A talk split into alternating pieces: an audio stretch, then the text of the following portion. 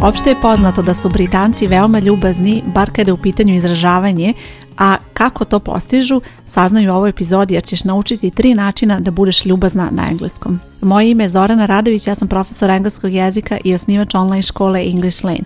Ovo što slušaš je English Lane podcast gdje pričamo o korisnim savjetima i lekcijama za učenje engleskog jezika. Epizoda koju sada slušaš je epizoda broj 113 i u ovoj epizodi naučit ćeš kako da budeš ljubazna na engleskom. Kada počneš da učiš engleski jezik, tvoj prvi cilj će biti da naučiš kako da pričaš, odnosno kako da se izražavaš na engleskom jeziku. Međutim, vremenom ćeš vidjeti da će se javiti potreba da se izraziš drugačije na engleskom i da budeš ljubaznija. To ti je posebno korisno na poslu u situaciji kada želiš da budeš više formalna, kada želiš da izraziš dodatno poštovanje prema osobi. Za sve te situacije će ti biti jako korisno da upotrebiš ove načine da budeš ljubazna. Prvi način je sljedeći. Koristi modelni glagol da zvučiš ljubaznije na engleskom. Modelni glagoli se često koriste u situacijama kada želiš da zvučiš ljubazno i kada želiš na drugačiji način da kažeš jednu istu praktičnu stvar. I odmah preslušaj to na primjeru kako to izgleda. I want to ask a question. Želim da postavim pitanje. Kada želiš da zvučiš ljubaznije, reći ćeš ovako. I would like to ask a question. Želela bih da postavim pitanje. Ove dve rečenice imaju dosta slično značenje, ali je samo bitna ta razlika kada zvučiš ljubaznije i to je ova druga kada koristiš would like umjesto want. Preslušaj još jedan primjer. Wait. Ovo je kratka rečenica gdje imaš samo ovaj glagol, odnosno nekome kažeš da sačeka, ali ako želiš da zvučiš ljubaznije, reći ćeš ovako. Could you please wait? Na ovaj način ne zvuči kao da naređuješ nekome, već zamoliš nekoga da sačeka i na taj način ono što si rekla zvuči ljubaznije sagovorniku. Neću detaljno objašnjavati šta su modelni glagoli, to je nešto što ćeš učiti u okviru kursa koji pohađaš. U mojoj školi se to konkretno uči u okviru kurseva na prvom nivou, odnosno ta osnovna upotreba kao i ova upotreba za ljubazno obraćanje, ali eto ovo su neki primjeri would, could, to su glagoli koje možeš koristiti da se izraziš na takav način da zvučiš ljubaznije. Drugi način da budeš ljubazna na engleskom je sljedeći. Izbjegni negativne reči. Šta to znači? Negativne reči su reči koje imaju neku negativnu konotaciju. Recimo ako kažeš wrong, pogrešno, to odmah znači da je u pitanju nešto negativno, znači da nešto nije tačno. I sada kada želiš da pričaš engleski jezik, probaj da umjesto tih negativnih reči upotrebiš reči koje imaju suprotno značenje, ali vidjet ćeš sad odmah na koji način. Poslušaj prvu rečenicu. I think that's a terrible idea. Mislim da je to užasna ideja.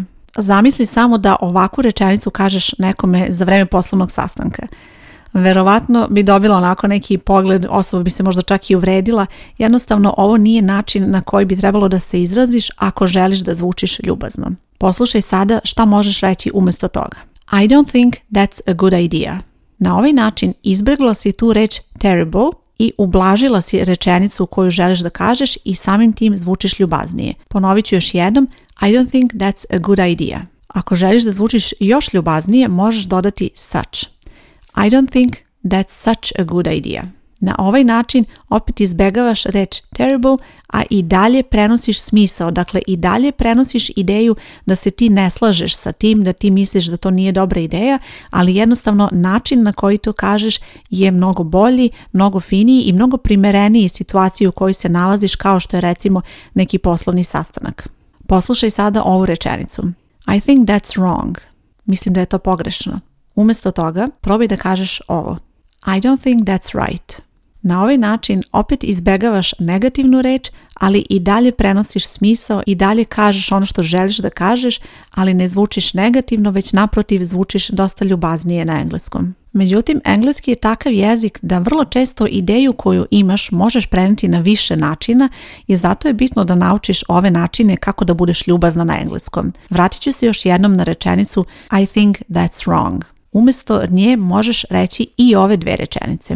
I don't think that's completely accurate. I ova rečenica znači da opet misliš da nešto nije tačno, ali je mnogo ljubaznija u odnosu na prethodnu. I još jedna, that's not entirely true. I ova rečenica je ljubazna jer izbegavaš negativnu reč, naravno može biti još ljubaznije ako upotrebiš ovo I think, ali probaj o tome da razmišljaš kada želiš da pričaš na engleskom i kada želiš da jezik koji koristiš prilagodiš situaciji jer je ovo nešto što će učiniti da tvoj engleski zvuči mnogo bolje, mnogo složenije i naravno mnogo sigurnije. Jer bitne su reči koje biramo, bitne su reči koje koristiš u određenim situacijama. Kao što vidiš, modelni glagoli nisu jedini koje možeš koristiti da budeš ljubazna, iako je to najčešći način, postoji i ovi drugi koji sam pomenula da biraš reči koje nisu negativne, a dolazimo i do trećeg načina, a to je da upotrebiš reč sorry ili please. Reč sorry znači izvini, please znači molim te, odnosno molim vas i ove reči možeš dodati u okviru rečenice da rečenica koju izgovaraš zvuči ljubaznije. Poslušaj sada primjer. Can you repeat that? Možeš li to da ponoviš? Ako želiš da zvučiš ljubaznije, reći ćeš ovako. Sorry, can you repeat that?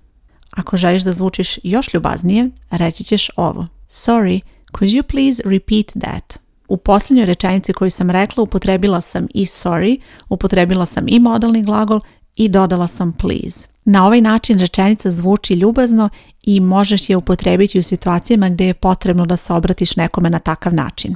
Poslušaj sada sljedeći primjer. I didn't understand that. Nisam to razumela. Možeš reći Sorry, I didn't understand that.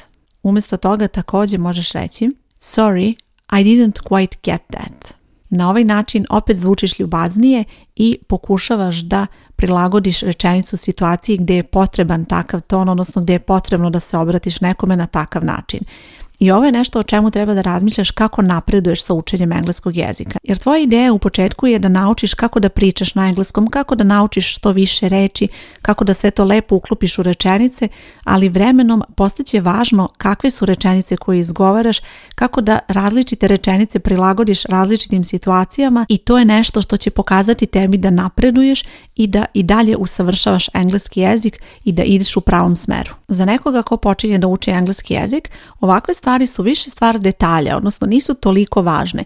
Međutim, za tebe kako napreduješ sa učenjem engleskog jezika, vidjet ćeš da ove stvari čine veliku razliku, odnosno ostavljaju mnogo bolji opšti utisak o tebi kada se obraćaš nekom i kada pričaš nekome na engleskom jeziku, jer sagovornik dosta toga zaključuje o tebi kroz način na koji se izražavaš. I zato je bitno da kada učiš engleski jezik, nije dovoljno da samo naučiš čisto onako samo rečenice neophodne za konverzaciju i onu neku neophodnu komunikaciju, već je vrlo bitno da učiš kako da se izražavaš na različite načine i kako da to sve prilagođavaš situacijama, da onda opšti utisak koji ostavljaš bude zaista i primeren toj situaciji. Znam mnogo ljudi koji koriste engleski jezik svakodnevno u komunikaciji, ali ne znaju da naprave ovakve razlike jer jednostavno njihovo učenje se završilo sa tim razumevanjem koje njima potrebno u okviru posla i nikada nisu dalje obratili pažnju kako mogu usavršiti to što govore, odnosno to što znaju da izgovore na engleskom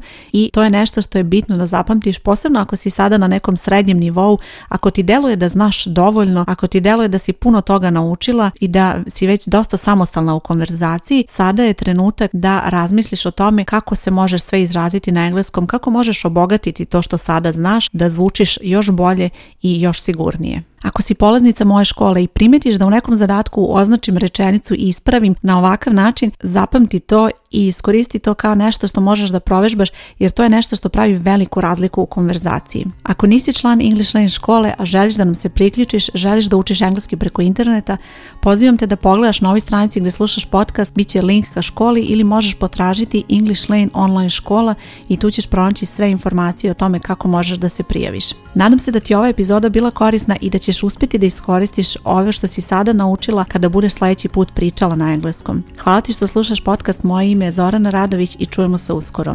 Ćao!